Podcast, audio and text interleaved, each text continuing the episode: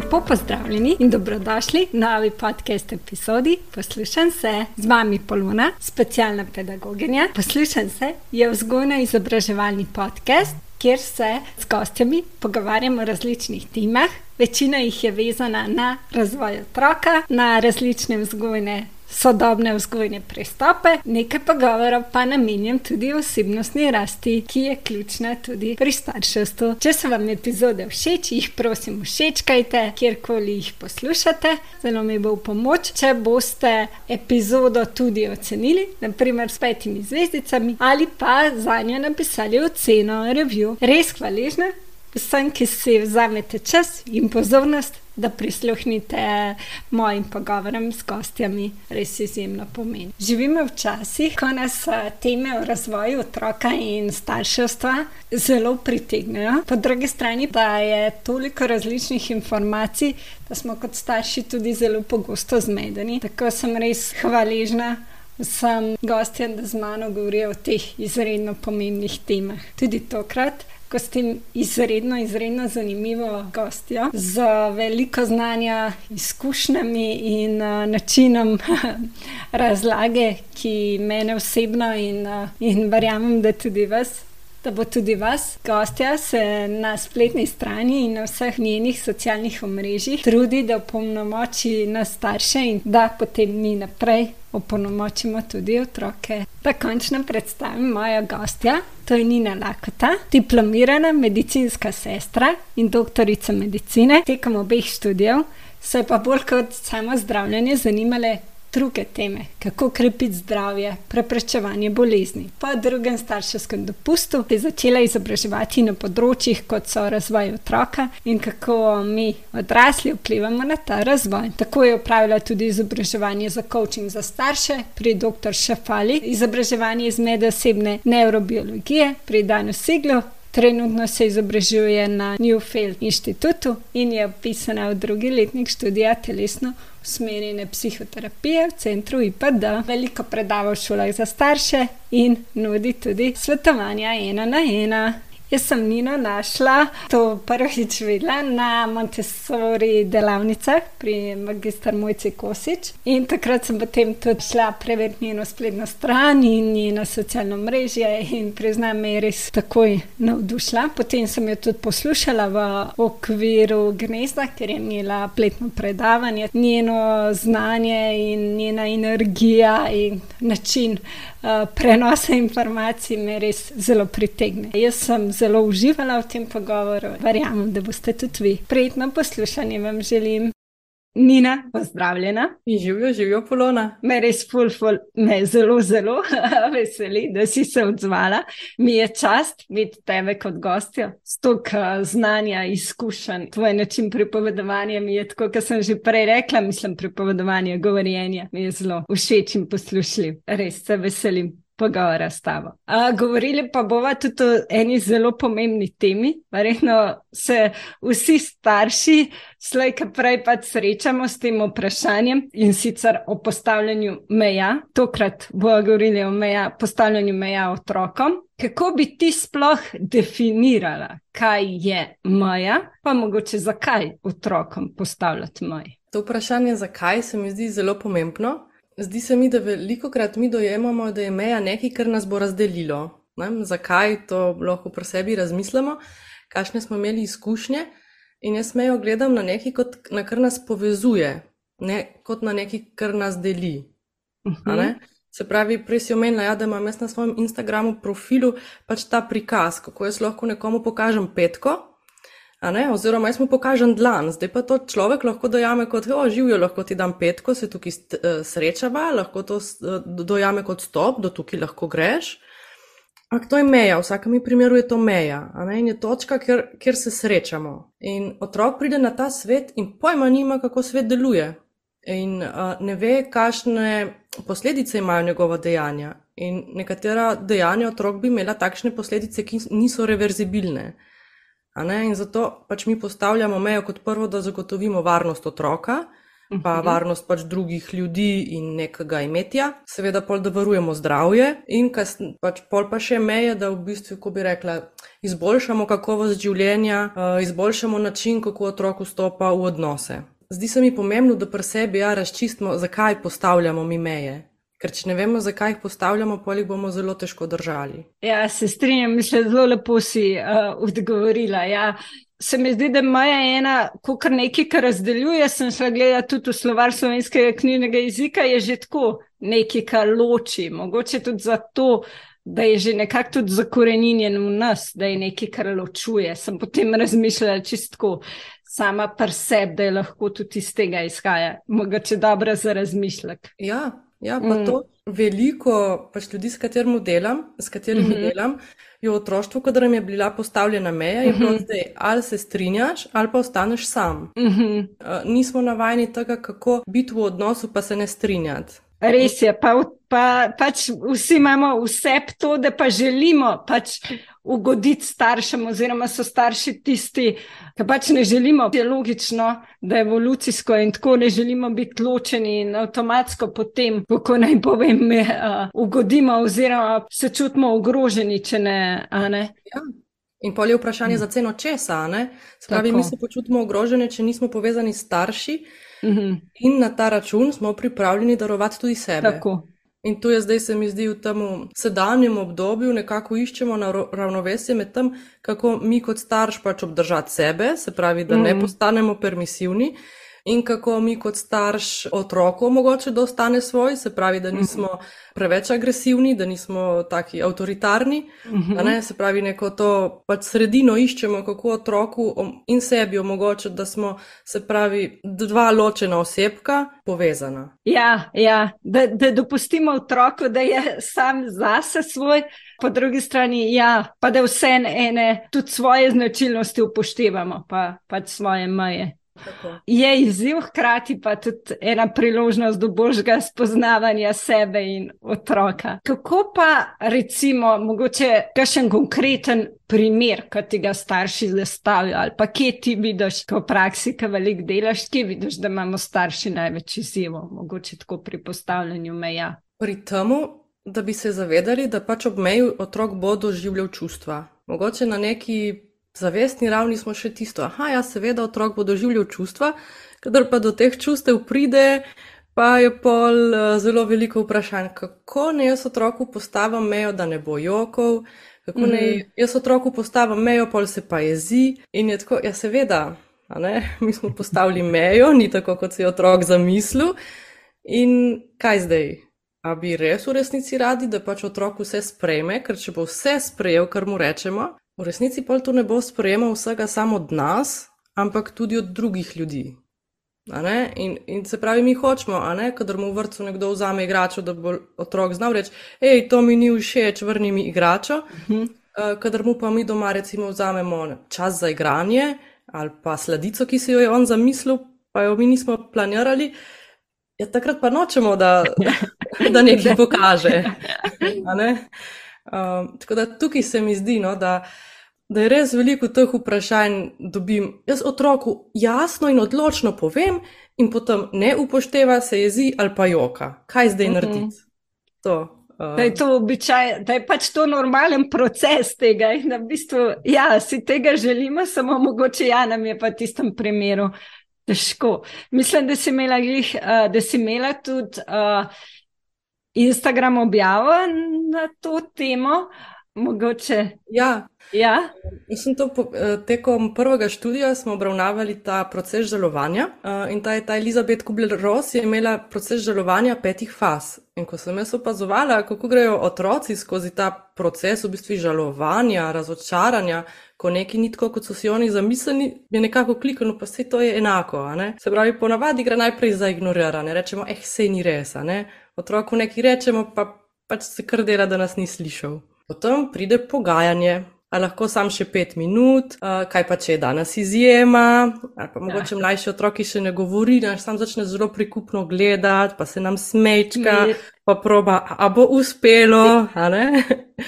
Pol, ko ta otrok vidi, da zlepa ne gre, pol se v njemu dvigne še več energije, ko reče pač njegovo telo, hej, to zdaj moraš urediti, to hočeš, pač dej se boriti za to, kar hočeš. In pol pride to že ven bolj v bistvu.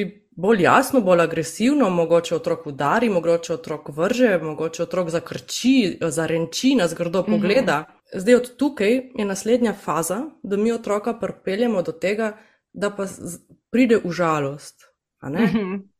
Temu otroku se je ogromno energije nabralo, ki je bila namenjena temu, da bo on spremenil okoliščine, in mi smo se odločili, da teh okoliščin ne, ne bo spremenil. Odločili smo se, da mu ne bomo dovolili, da se recimo nagne skozi odprto okno. In kaj bo zdaj z vso to energijo, ki se je noter aktivirala? Nekam mora iti. Da jih sprostiti nekako. Ja, in ne more iti v nič. In pač del tega je, da pač otrok pol v bistvu nekako razgraja, v smislu pač to, kot smo prej rekli. Uh mhm. -huh. Je pa, da se del te energije pač iz jeze, iz te frustracije spremeni v žalost. Uh mhm. -huh. Da, da gre pol, to, da pač iz joka. Otrok ne more spremeniti sveta, torej spremeni sebe, tako da se iz joka. Tudi del teh stresnih hormonov, kortizola, se tudi izloči skozi solze. In pol otroka potolažimo, in pol pride do tiste faze, ki smo ga mi hoteli imeti že takoj na začetku, eh, do faze sprejemanja. Ko je nekako sprejel, da zdaj situacija je takšna in da se več ne more spremeniti. In zdaj, kako pa otroka skozi to popeljati, je pa zato, da pa čustva morajo iti ven. In mi bolj kot ta čustva ustavljamo, težje bomo prišli do tega, da bo jokov. Najprej se nam zatakne že tam, kadar se začne pogajati, ne ga že kar tam sekamo. Ja. Pol se nam zatakne, kadar se jezi, ker mu začnemo govoriti, kaj vse ne sme narediti, ne, namesto da bi ga usmerjali v to, kaj lahko naredi. Pol pa začne jokati in tako, zdaj boš pa še jokal. Ja, pa še to težko. Mi bi pač radi, da on preskoči na sprejemanje in pač ne gre. Vse tudi mi veliko krat na sprejemanje ne moramo preskočiti. Če recimo imamo planiran dopust, pa da bi se kar nekdo zmislil, da zdaj pa tega dopusta ne moramo imeti, ali ker nam odpovejo rezervacijo, ali nam mogoče šef v službi reče, ne, žal ne bo šlo pač se ni, da kar tako rečemo, aha, ok. Ja, pa mi, ki imamo pač drugače razvite in možgane, in pač že tukaj let izkušeno. Ja. Uh, še dostkrat je to, sploh z jokom, da nam je to, vsaj po mojih izkušnjah, večkrat, no, da, da pač o, njih jokati, ali pa da, da sploh nimamo nekako, da, da je to ta zadnja, da je to celo pač željena faza, oziroma tako, no, da bi bilo to potrebna faza. No, mogoče pač moje osebno mnenje, ja. no, da, da je pač tukaj se nam pogosto, mogoče smo tudi sami v otroštvu dobivali take, taka sporočila. Da ne smemo jokati, nehi jokati, in tako je mogoče ena posledica tudi tega, lahko to. Tako, in kar še pri strankah opažam, je tudi to, da je v bistvu strah, da jih pol otrok ne bo imel več rad. Mm -hmm. Zdaj, uh, ko da smo mi odgovorni, mi, ko da smo mi krivci, ker je otrok začel jokati in da zdaj nas ne bo imel rad. Mm -hmm. Pač ni res, otrok nas bo še imel rad, pač trenutno je žalosten. A smo mi povzročitelji žalosti? Ne, mi smo postavili mejo, ki vemo, zakaj smo jo postavili. Mm -hmm. Zato je pomembno, da smo pač pri sebi nam je jasno. In je ono, seveda, otrok, ti si lahko žalosten, ker ti ne dovolim, da se nagneš skozi mm -hmm. odprto okno in jaz ti tega še vedno ne dovolim in še vedno te imam rada. In pač majhni otroci so tako narejeni, da ne morejo čutiti več različnih občutkov hkrati. Lahko, če smo kolikor toliko umirjeni, lahko čutimo po eni strani naklonjenost do tega otroka in razumevanje, po drugi strani pa neko odločnost in jezo, in pač ne, ne boš tega naredil. Mm -hmm.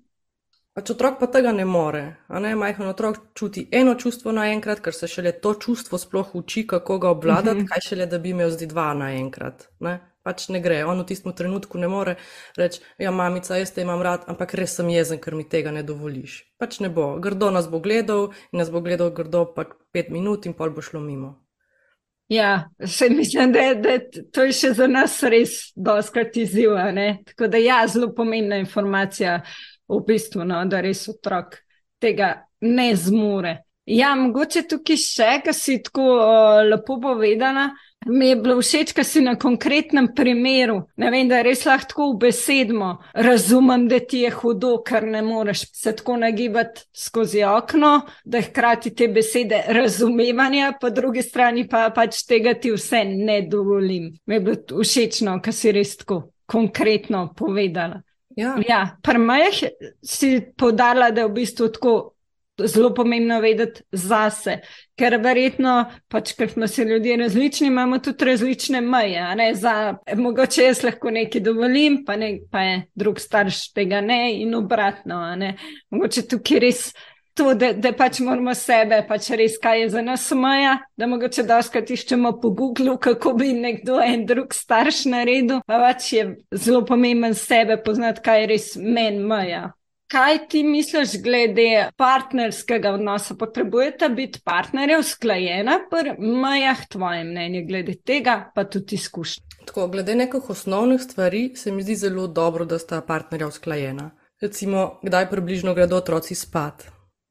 Zdaj pa se tukaj pojavlja vprašanje, ali mora sta to mejo na enak način doseči, da mora ta cilj na enak način doseči. In tukaj pa mislim, da potem ni potrebe. Eden ima mogoče odpravo otroke spat skozi igrivost, eden mm -hmm. bo bolj usmerjal z neko zelo odločnostjo, pa jasnostjo, mm -hmm. pa je oboje ok.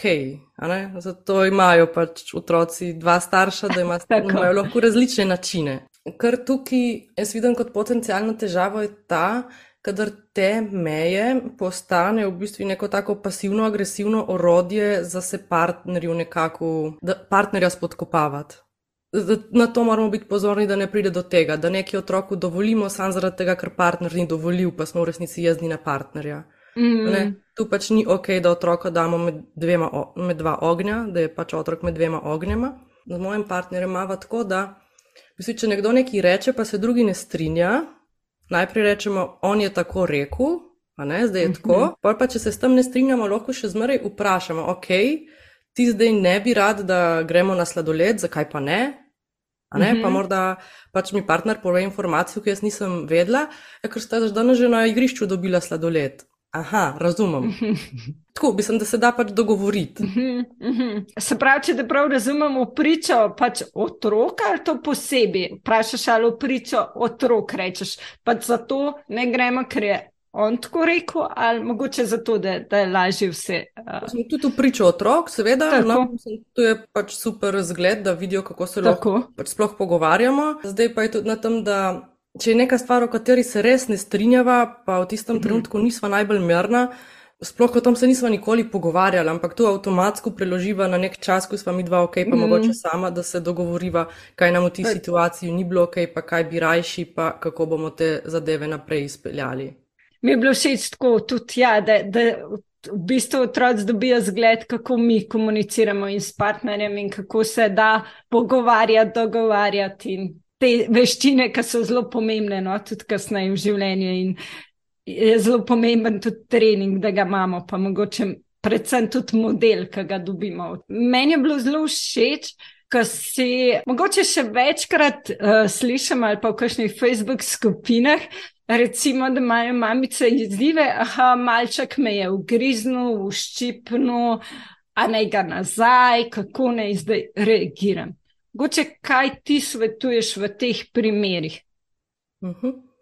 okay, prvo, pač z, z minimalno sile poskrbimo, da pa nas naprej ne poškoduje. Ne? Se pravi, minimalno sile, kot je potrebno, da tu ostavimo. Pol, pa jaz nimam tukaj enoznačnega odgovora, zato ker ni enoznačnega vzroka. Mm -hmm. Zakaj zdaj ta otrok je to naredil? Recimo pred kakšnega pol leta je moja ta uh, mlajši otrok imela je fazo, ki je tako iz ljubega miru prišla do nekoga, pa ga zelo nadzorovano, nežno udarila, čakala, kaj se bo zgodilo. In tukaj je bil moj odziv posebno drugačen, kot če bi ona v neki ihti tepla. Ker bo mm -hmm. tako, ne dovolim, da me tepeš, to mi ni ok. Mm -hmm pač to me boli, uh, lahko me božeš, lahko se stisneš, a bi mi rada kaj povedala. Zdaj, če je ona v neki ihti in je ona udarila, jaz takrat vem, da nima veze, da jaz nekjerkoli razlagam, ker me ne bo nadslišala. Mm. Ne, je bolj da jo, ja, jezna, jezna in iščem stvar, mm. ki bi ona lahko udarila. Se pravi, mm. da tiste čustva preusmerim, da jih ne ustavljam, preusmerim. Pol, kadar se obe pomirimo, pa id, zakaj to pač ni bilo ok, pa iskanje načinov, kako bi še lahko ona izrasla svoje čustvo, najprej na manj destruktiven način, kasneje najbolj konstruktiven. Mm. A je ta otrok morda nas prej že trikrat pocukal za rokav, pa nas poklical, pa mu mi nikakor nismo mm. dali vedeti, da ga slišimo, Uh -huh. In pol, ker je bil on že v taki stiski, pa nas je pol ugriznil, ker ni več vedel, mm. kako bi povedal. V tej situaciji je spet drugače. Je tako, no, no, au, a, ja, o, prosim, ne me griz, to me boli, vem, nisem te slišala, trikrat si me, trikrat si me že klical in ti nisem nič rekla.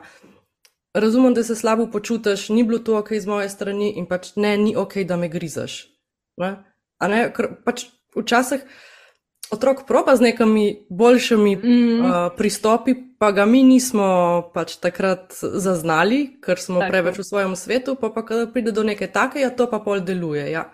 Zato nas je pol ugrizno, ker drugače nas ni mogel pritegniti na svoje pozornosti. To ne pomeni, da mu moramo mi vedno in posod takoj dati pozornost. Mm. Ampak tudi odraslega, če nas trikrat pokliče ali pa nekaj mu pač rečemo, slišim te, zdaj ne morem, takoj, ko bom lahko. Mm do otrok pa se pol včasih kar pač nekako se jih pusti, pusti pač, pač ja, počakaj. Mm. Uh, tako da je vzrok, zakaj, zakaj, zakaj. In zato imam jaz pol različne odzive na to, glede na to, zakaj je do tega vedenja prišlo. Je različen vzrok zadnji, in ja, glede na to, kaj je zadnji, potem reagiramo oziroma razmislimo, kaj bi lahko. Ne, če nam včasih ne, bo usput, ne bomo mogli ugotoviti vzroka, Včasih pa bomo, ne? in nam je potem veliko lažje. Ja, tukaj bi jaz to dodala, da kadar ne vemo, kaj narediti, uh mhm. -huh. dajmo ne delati škode. Uh mhm. -huh. to, to je tako enostavno vodilo, ker mi zdaj to situacijo, otrok nas je ugriznil in to kar naenkrat dojemamo kot nujno. In če ga zdaj pač mu ne bomo spridigali, ne vem česa vse in ne vem kaj vsega naučili, ne vem kaj, bo čez 20 let pristal v zaporu. Pač uh -huh. ne mhm. bo to je recimo dvoletni ali pa troletni otrok, tako malček, ki, ja. ki, ki se eksponentno razvija. In to ni nujna situacija. Nujna situacija je, da mi ga ustavimo in če ne vemo, kaj narediti, lahko tukaj ostanemo in se pač pogovorimo čez eno uro. Mm najdemo nekaj, kaj lahko konstruktivnega naredimo. To, da otroka ogriznemo nazaj, delamo škodo. V bistvu iz večjih faktorjev. Pač moje mnenje je, da agresivno vedenje tega ne želimo. In če mi otroku smo model z, z agresivnim vedenjem, se pač ne bom dobil tazga modela, kot mi želimo. Ja. Ne, mm. Mislim, pa mu pokažemo, ja, če te Tako. nekdo v vrtu ugrizne, ga ugrizneš nazaj. Mm. Pol, kako bo otrok tu titriral? Mi vedno doživljamo, reka, če nekdo na nas da enak pritisk, kot da mi damo na njega, bomo mi mhm. doživljali, da je ta človek bolj pritisnil na nas, kot smo mi na njega. Mhm. A veš, kaj mislim reči? Ja, ja. Če je enaka sila, ki jo uporabimo mi, ali pa nekdo drug, ki jo proti nam uporabi, bomo mislili, da je v njej uporabil večjo silo, kar pomeni, da bomo mi še z večjo silo vrnili. Tako, tako. Pa tudi taka pač negativna spirala. Tako. Ja, hvala za ta dodatek, res uh, pomemben. Ker razumem po eni strani starše, ker včasih so tudi knjige. Jaz sem jih uh, pač dva dni nazaj naletela na priročnik, ki ga imam iz 15 let nazaj, oziroma no, je iz 2000, se pravi, malo več kot 15, ampak ja, mislim, da nisem takoj po tistem kupla, ampak ki v bistvu še zagovarja, da otroka lahko, uh, pa tak znan priročnik vzgojni. In tako hočem reči, potem razumem starše, ki res dobijo raz, veliko različnih informacij in mogoče so res um, zmedeni. Zato se mi zdi še veliko bolj pomembno, no, da v teh stvarih res govorimo uh, znanstvenega oziroma tazga pristopa, zakaj to ni ok.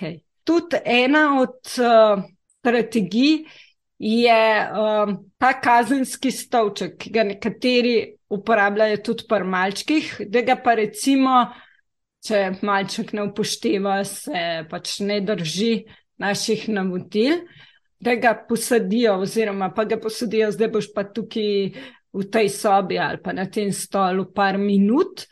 To, zakaj to ni ok, pa zakaj ima to lahko posledice za otroka, pa kaj, kaj ti svetuješ na mestu tega, da ne bo vsem, zakaj ni ok, kaj hm. svetuješ na mestu tega. Okay. Recimo, to, da otroka izločimo igre, iz igre, v kateri trenutno ne more ok sodelovati, to se meni sploh ne zdi slabo. Ne? Če je v neki mm. igri zelo razburjen in je začel, naprimer, druge otroke pač napadati ali pa jim podirati kocke, ki jih oni gradijo, mm. se meni ne zdi nič narobe, če mi rečemo, ok, vidim, da zdaj ne zmoreš in ga pač od tam stran odpeljemo. Konec koncev pač otroka zaščitimo tudi pred tem, da pol dobiva kup grdih pogledov, ali pa mogoče kakšne zmrljivke od otrok, ali pa da ga drugi otroci začnejo napadati. In drugim otrokom omogočamo, da pač so v svoji igri. Zdaj pa kaj bomo mi naredili, kadar tega otroka damo strani vprašanje? Ali bomo mi zdaj njemu dali občutek, da ti si res slab, zaradi tega, ker pač zdaj nisi mogel sodelovati in nisi delal tega, kar si pač ti rekel, in boš zdaj tukaj zaradi tega sam. Ali bomo mi dali pač otroku občutek, vidim, da se ti nekaj dogaja, mogoče v tem mhm. trenutku ne vem točno kaj, pač nekaj ti ni bilo ok, kaj si pa ti hotel povedati. Pač kaj, kaj se dogaja. In vsi, mogoče otrok ne bo znal tega povedati. Ampak samo, da imamo to ta možnost, da ima otrok, da aha, sem bil v neki stiski, ker, ker zakaj bi otrok kar začel druge tepsti ali pa zakaj bi kar mm. začel podirati, pa zakaj. Mm. Ne spet je tu, zakaj. Če po... zanimanje, v bistvu. Radovedno, ja. zakaj se je. Mhm. Zakaj? Okay, če je tu delo res iz nekega dolgčasa, najdemo igro, ki je njemu bolj zanimiva. A je to delo, ker ni bil vključen v igro? Ali imamo že tukaj pač tako situacijo, ko nam je mogoče teže, kot uf, si se počutil izločenega. Mm. Ja, ni bilo ok, ne? niso te sprejeli v igro in pa si šel njihovo igro uničevati. Vem, da je težko, če te ne sprejmejo v igro, pa mal s tem posedeti. Uh, zdaj pa, če mi samo otroka stran damo, kaj, kaj smo s tem dosegli? V bistvu bi mogli iti korak nazaj, kaj, kaj ljudje verjamejo, ki to uporabljajo. Se mhm. pravi, pa morajo ljudje verjeti kot prvo, da otroci, preden naredijo dejanje, se pravi, ti zelo majhni otroci, preden uh mhm. -huh. naredijo dejanje, premislijo, uh mhm. -huh. se zavestno odločijo, da bodo to dejanje naredili. Ker če pač malo poznamo neuroznanost, vemo, da temu ni tako, da otroci imajo impulze in ravno zato, ker še ne morejo premisliti in se ustaviti, pač ti impulzi pridejo ven. Se pravi, kot neko neželeno dejanje v tem primeru. Yeah. Ja. Se pravi, mi smo tega otroka dali sedeti, da bo premislil, ampak on pa še v resnici sploh ni sposoben. Ne zmore. Tako. ne zmore. In ja. Ga nismo naučili nič. Otrok se tukaj ni naučil nič, sam dobo je zelo slab občutek o, o samem sebi. Mm. Dobo je sporočilo, da sem pač slab, ne spadam tja, ne razumejo mm. me. Tako da je to. Tako da je to, da, da gremo pa se pogovorimo z otrokom. In mogoče, če v tistem trenutku otrok ni reguliran, ne bomo se mogli z njim pogovoriti, nič mu ne bomo mogli razložiti. Ga bomo probali nekako pač usmeriti pomiriti, da bomo prišli do neke točke, pa pol naprej. Da je spet ne gori voda, mi hočemo vse mhm. reševati tukaj in zdaj, mhm. ni treba in tudi ne gre. Tako da je to od tega time-outa. No? Zadnjič se mi je porodila mogoče ta ideja, da, bolj, da je bolj oprijemljivo, da človek oprijemljivo, da človek bolj razume. No? Uh, če si recimo predstavljaš, da si v vrtu, da si šla po svojega otroka in imaš mhm. res slab dan. Uh -huh. Pač te ta otrok sploh ne upošteva in na neki točki povzdigneš glas. Pride mimo vzgojiteljca in reče: Veš kaj, polona, tako se pa tukaj ne, ne, ne pogovarjamo, takoj pejdi ven. In še le, ko misliš normalno govoriti, pridi nazaj v vrtec. Mislim, pač ne znaš predstavljati. Ja. ja. Mm. In, in če je tu za nas grozno, a, a, bo, a bomo drugič res imeli manj slab dan, a je drugič res več možnosti, da bomo imeli neko strategijo več, mogoče kako ali sebe obvladati, ali pa otroka lažje motivirati, ali nam je ta vzgojiteljica kaj od tega dala? Še večja teža bo. Ja, še bolj bomo živčni, bomo naslednjič lahko čali in ravno zato, ker bomo mm. živčni in imeli ta še večja, pač pritisk je večja mm. možnost, da bomo spet zakupili. No, in, in, da pol starši pač razmislijo pri sebi, kaj v tem situaciji, kaj bi jim pomagalo v tej situaciji, mm. In kar bi jim pomagalo, a lahko oni tu nekako nudijo otroku. Mm -hmm. Hvala no, za ta konkreten, nazoren primer. Se mi zdi, da se res tako veliko lažje predstavljamo, to, kako bi se počutili, oziroma kako se lahko počuti otrok. Pa to, kar si rekla, ja, da pač res uh, to mi je bilo tako no tudi prej, da zakaj, zakaj je do nečesa prišlo, zakaj se otrok tako, ali res, ali, ali se počuti zapostavljenega, ali mu je dolg čas, ali kaj je res tukaj zadnji. Meni je bilo zelo všeč, mogoče ne spada čisto s tem, ampak vem, da sem se zapomnila. Mogoče sem tudi sama, kdaj to, preden sem pri tebi videla, se zalotila, da, da sem rekla, tega se ne sme. Pa se mi zdi, da je pogosto razširjeno. Zakaj je bolj ti tako lepo razložila takrat storil, zakaj je bož, da rečemo, tega ne dovolim. Tako, mogoče, če bi kar ti razložila, kako si to mislila, pa zakaj. Z tega imam dva pač ta vidika, ko eno je to, tega se ne sme, se pravi, jaz, da kot starš tukaj nisem upletena, pač mhm. tega se ne sme in ti otrok moraš to upoštevati. In jaz sem tako na neki razdalji, pač nisem pripravljena mhm. nič narediti, da bi to mejo izpeljala do konca. -hmm. okay? pač tega se ne sme. Kot drugo je to, tega se ne sme, je neka taka splošna, kot da mi, kot obstaja neka višja moralna inštanca. Mm -hmm. In pač te više moralne inštance pač otroci še nimajo. Oni jo mm -hmm. počasi ponotranjajo od nas in od drugih skrbnikov. Mm -hmm. pač mi smo za njega najvišja moralna mm -hmm. inštanca, mi smo za njega pač bogovi. Mm -hmm. Pač oni hočejo nam ugajati. Tako, ja. Ne pač nekomu tam XY. Mm. Uh, tako da je pol tu. In pač to, kot sem rekla, da je pol tu od nas, kadar mi govorimo, da jaz tega ne dovolim, tako in name obrne odgovornost, kaj bom jaz zdaj naredila, mm -hmm. če tega ne dovolim. Ja, in se mi zdi, no, tako jaz pa se opažam, da sem bila pa res tako razmislila, pa bila pozorna, mi je res veliko bližje zdaj to, tega ne dovolim. In se mi zdi, veliko bolj tudi uh, povezanost nekako ohranjamo to, to je moj uh, pač, uh, izkušnja, občutek. Ja. Tudi res hvala, no, da si to tudi delila. Ko postavimo mejo, doskrat so otroci veliko bolj pripravljeni sprejeti naše meje, naše zahteve, pričakovanja, če imajo napolnjeno čustveno skodelico, kot bi pač rekli v prenesenem pomenu. Vemo, mogoče malo več o tem, kakšne so tvoje opažanja, pa kako mogoče napomniti to njihovo čustveno skodelico. Evo. Če eno objavo, ki imam že nekaj časa v glavi, pa jo nisem še napisala, pa jo mogoče lahko zdaj vsaj povem. Na, vidiš. Ko nas otrok ne posluša, uh mhm. -huh. se dajmo vprašati, ali smo mi poslušali in slišali njega. Uh mhm. -huh. Mi pričakujemo, da nas bo otrok upošteval, če karkoli mu mi rečemo, ali smo mi upoštevali tega otroka. A, a smo ga mi slišali, a smo mu dali vedeti, da ga razumemo, da nam je pomemben. Če mi tega otroku ne damo, zakaj bi on tu nam dajal nazaj? In, in tu je ta napolnjena čustvena skodelica, da otrok ve, da je za nas pomemben, da ni pač tam vreča krompirja, ki jo mi prelagamo, ampak je živo bitje, ki se ja. razvija in gre vsak dan več in ima svoje ideje in ima ja. svojo protivoljo. In takrat se on počuti cenjenega in takrat smo mi z njim povezani, zato ker ga vidimo, ker ga slišimo, mm. ker če mi ga ne vidimo in ne slišimo, mi z njim nismo povezani in pol ga ne moramo usmerjati. Kako napolniti čustveno skodelco, v bistvu moramo gledati otroka in hkrati tudi nas. Kaj je tisto, kadar se oba imava skupaj fajn? In Enkrat je lahko to, da napolnimo čustveno skodelco, to, da pač pridemo v vrtec in je imel otrok težek dan in se drži za nogo, pa ga mi dvignemo, pa mu sploh ne rečemo, da se bo samo bu, ampak ga pač imamo na svojih kolenah mm. in rečemo, danes ti bom pa jaz pomagala. Mm. Enkrat je, da napolnimo čustveno skodelco, ki pride in reče: Mama, a se greva igrati z avtodomom? In pač sprejmemo to povabilo. Enkrat je, da napolnimo čustveno skodelco to, da ga samo opazujemo.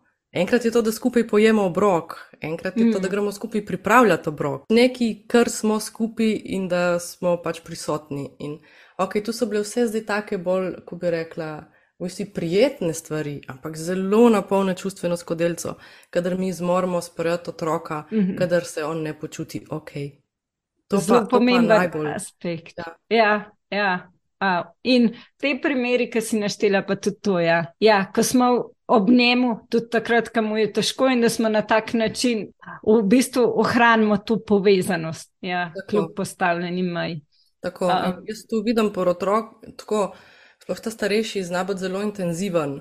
In uh -huh. kadar mi uspe ostati zraven in biti povezana in ne obsojajoča, sprejemajoča, uh -huh. kadar gre ta vihar mimo, pač ta otrok je pač drugi otrok, pač spet pride, se stiska k meni, me lepo gleda, deluje. Ja, ja, se čuti ta povezanost. Je zelo v bistvu hvaležen, oziroma mu res napolne, kot si rekla, to čustveno skodelco, to, da si zmogla biti tako neobsojujoče ob njem. Res lepo, da si to delila. Uh, lahko en konkreten primer izpostavim, ki mi je bil sicer nekaj časa nazaj, no smo imeli eno srečanje, pedagoginje različnih vrst, mi je bila pa še ena mamica in je vprašala nas, da ima en izziv oziroma eno vprašanje za nas in sicer od prijateljev sin, mislim, da je rekla štiri leta star, tako pride k njim na obisk, njej in uh, partnerje, da jih tako udari. Kot sem razumela, udari tako, pač on to jemlje kot en pozdrav, oziroma tako udari, ampak udari boleče, udari boks, ne tako, da zaboli, ne tisto pač nežno ali karkoli, ampak res boleče udari. In um, da se zdi, da starši ob tem pač ne reagirajo, oziroma jih to ne moti, njo pa moti, pa ni pa želela, ni vedela, kako um, optimalno reagirati v tem primeru. Kaj ti v takih primerih svetuješ, me zanima tvoje mnenje. Če otroci pridejo do mene, recimo ali prijateljček od, uh, od mojih otrok, uh mhm. -huh. pa da se kaj igramo, pa se preveč zaleti vame uh mhm. -huh. ali pa kaj. Jaz pa ne bom pač iskala teh staršev s pogledom, da bojo tem otroku kaj rekli. Jaz sem v odnosu zdaj trenutno s tem uh mhm. -huh. otrokom in mu bom jaz povedala, avto uh -huh. me boli, to mi ni prijetno. Mogoče uh -huh. zdaj, če je ta otrok res kot nek pozdrav, to misli v smislu.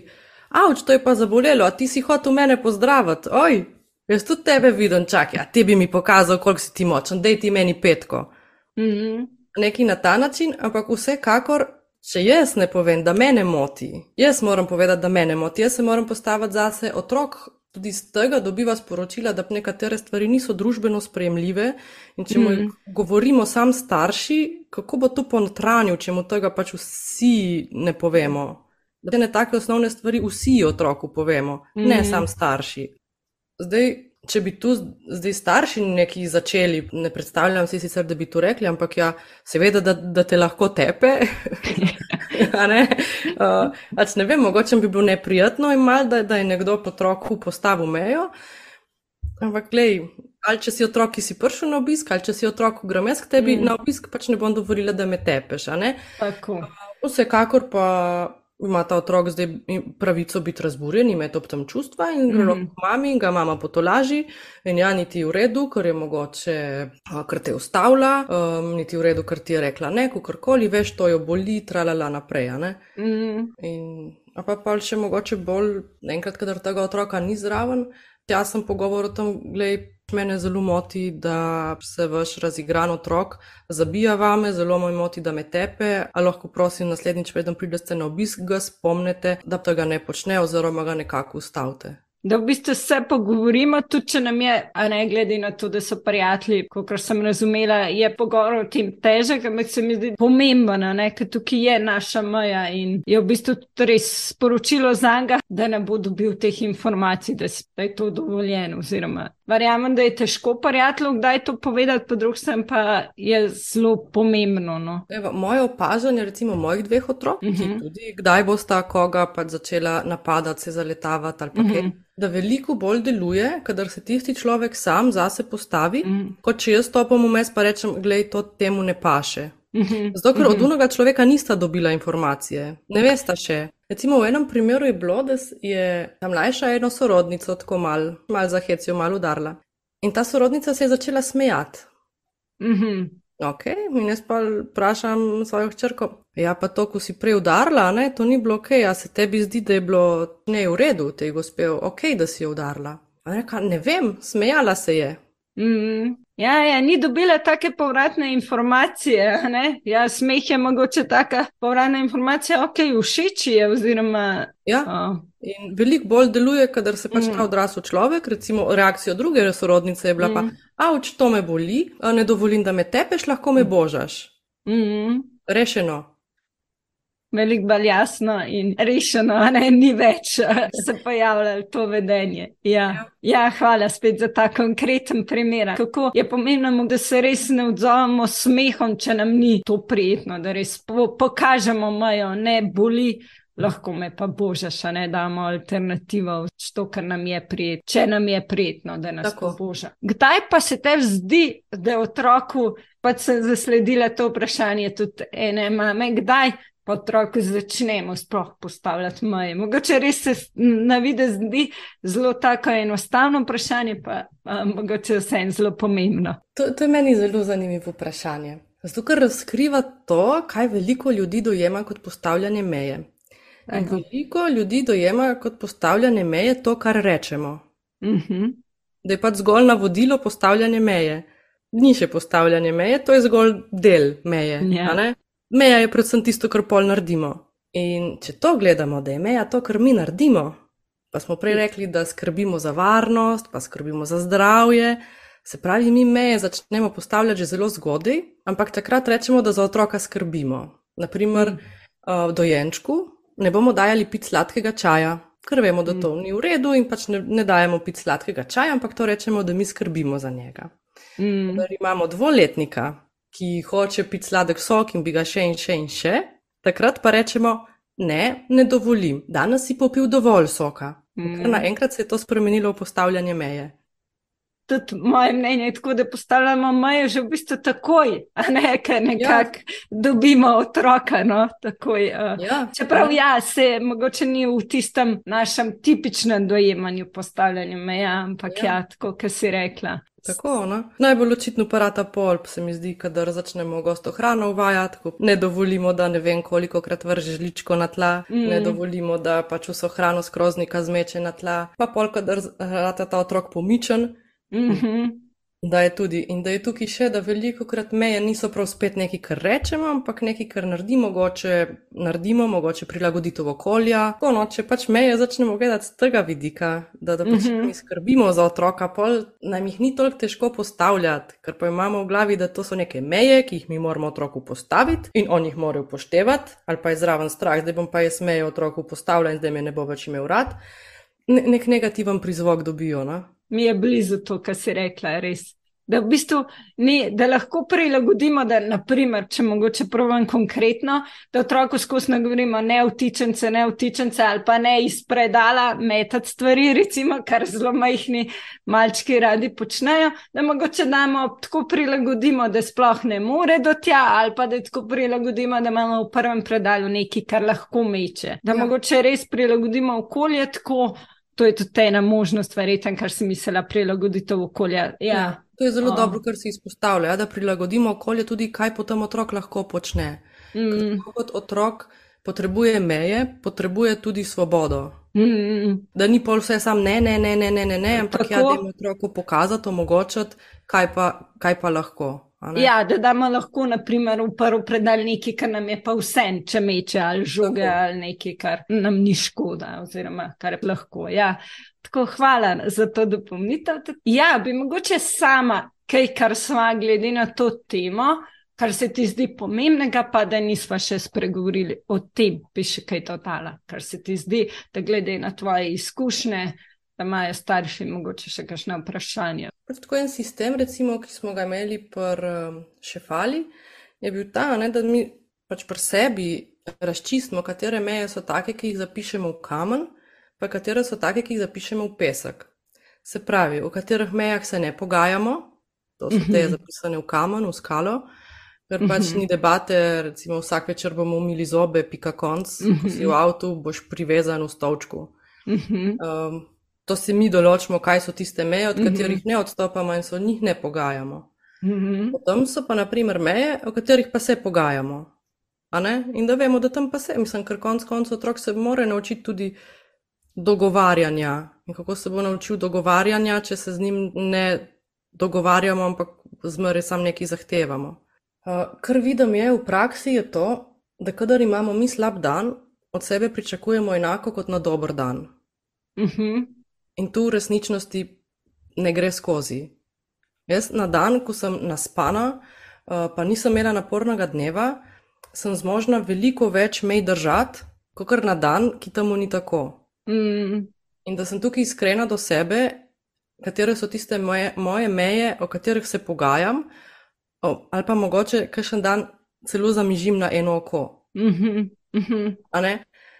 Ker kaj bo zdaj na dolgi rok slabše? Ali bo na dolgi rok slabše, da jaz en dan na skrivaj pospravim že tri četrti igrač in polih otroka do konca pospravta? Ali pa slabše, da sem jaz vem, da sem danes znervirana in bom jaz zaradi nekega principa, ker igrače pa možete mm -hmm. vsak dan pospraviti, mm -hmm. pač danes začela to svojo jezo stresati na otroka, ker ju enostavno ne bom zmogla usmeriti in bom na koncu krčala in jih bom pred spanjem mm. razburla. A sem s tem res kaj dosegla? Da v bistvu upoštevamo svoje čustveno stanje, kako smo mi tisti dan. Tako ga si rekla, tudi jaz to opažam. En dan smo veliko bolj pripravljeni, oziroma veliko lažje izvedemo to, drug dan pa nam je veliko težje zaradi različnih vzrokov. In ja, da v bistvu smo fleksibilni glede tistih maj, ki jih zapišemo. Rekla, tako si lepo povedala, v pesek, v katerih pač so take fleksibilne maje. Pride strah, pola, ne. Mhm. Ojej, pol pa bo otrok pač mislil, da je vsak dan lahko tako, pa če nismo konsistentni, bo probal, seveda bo probal, ampak otrok zelo hitro ve, kje jaz stojim. Uhum. Pač pogledam ga, pa ve, aha, da nas mama misli resno, da nas ne bo pogajanja. Včeraj je bilo, da nas pa ne bo. Ja, ja, ja. Veste, ja. da glede umivanja zob pa noben dan ni pogajanja. Tukaj se res striktno držim, pa se mi zdi, da je tudi nam lažje, ker res teh verjeten maj v dnevu, ki se striktno držimo, spet ni sto, a ne?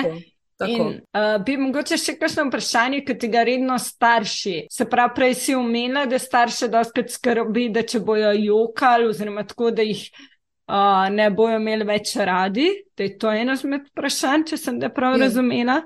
Uh, ja. Ja, mogoče še kakšno tako vprašanje, ki se ti zdi, da je za izpostav, da večino staršev skrbi ali pa zanima glede. Pa mislim, da smo kar tako že, že konkretno pač obdelali. Ampak to ja, do tega, da, da jo starši strah, da jih polo otroci ne bojo več imeli radi, to pa ni ponavadi starševsko vprašanje. Uh mhm. -huh. Tu se pogovarjamo, popljemo, pa na koncu pol do tega pridemo, da je težava, zakaj, zakaj je pač nekomu tako težko reči. Ja, ja, kaj je v bistvu pač ta vzrok, zakaj.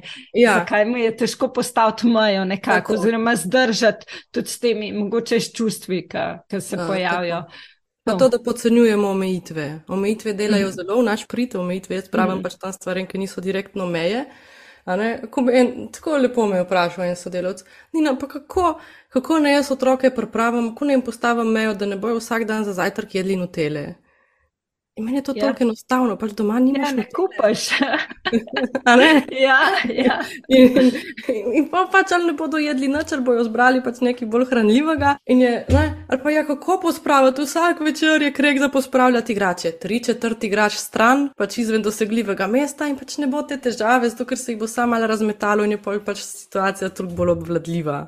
Ja, ja. Da, da si pa pač tako kompliciramo življenje nekje, kamor bi pač z enostavnostom, da nečesa ne kupimo ali pa da nekaj odstranimo, bi si situacijo prešparali. Ampak mogoče takrat sploh ne vidimo te enostavne rešitve, mogoče, ko smo v tistem noter, nas to posrka, mogoče v to, da res ne vidimo kot zunanje pazvacva, tako ja, logično pač ne kupaš, ne. Ja, opa še tu. tu. Uh, največja težava staršev je v resnici to, da preveč govorimo, pa premalo naredimo. Mm. Če jaz pa začnem otrokom govoriti, da se gremo zdaj odpravljati spat. Če jaz pač nisem takrat, že, že ne stojim na, proti, na poti proti kopalnici, ne vem, zobno eh, ščetko. ščetko, spuščam rolete, utišam glasbo, brez veze. Če jaz sedim na kavču in govorim, veste kaj, zdaj se bomo odpravili spat in čakam, In otroka si misli, da je kaj, a res pa se bomo odpravili. Ha, ha, ha. pač, če se mi ne jemljemo resno, nas pač otroci ne bojo jemali resno. No, da moramo pokazati, da je to zbajanje. Ja, ja. Ja. ja, super, super, ful, lepo. Ja, mislim, da smo tako, kakor smo lahko v tej uri obdelali to temo. Res me še enkrat veseli, res hvala, da ste se odzvala. Uh, mislim, da so tudi poslušalci res veliko uh, konkretnih napotkov in enega znanja uh, zveden. Meni je bilo res lepo, hvala. Meni tudi, meni tudi hvala. hvala uh, super, super. Hvala za ta lepo, vodom pogovor. Pozdrav vsem poslušalcem. Ja, ja, tudi jaz. Pozdravljam vse, pa se slišimo k malu.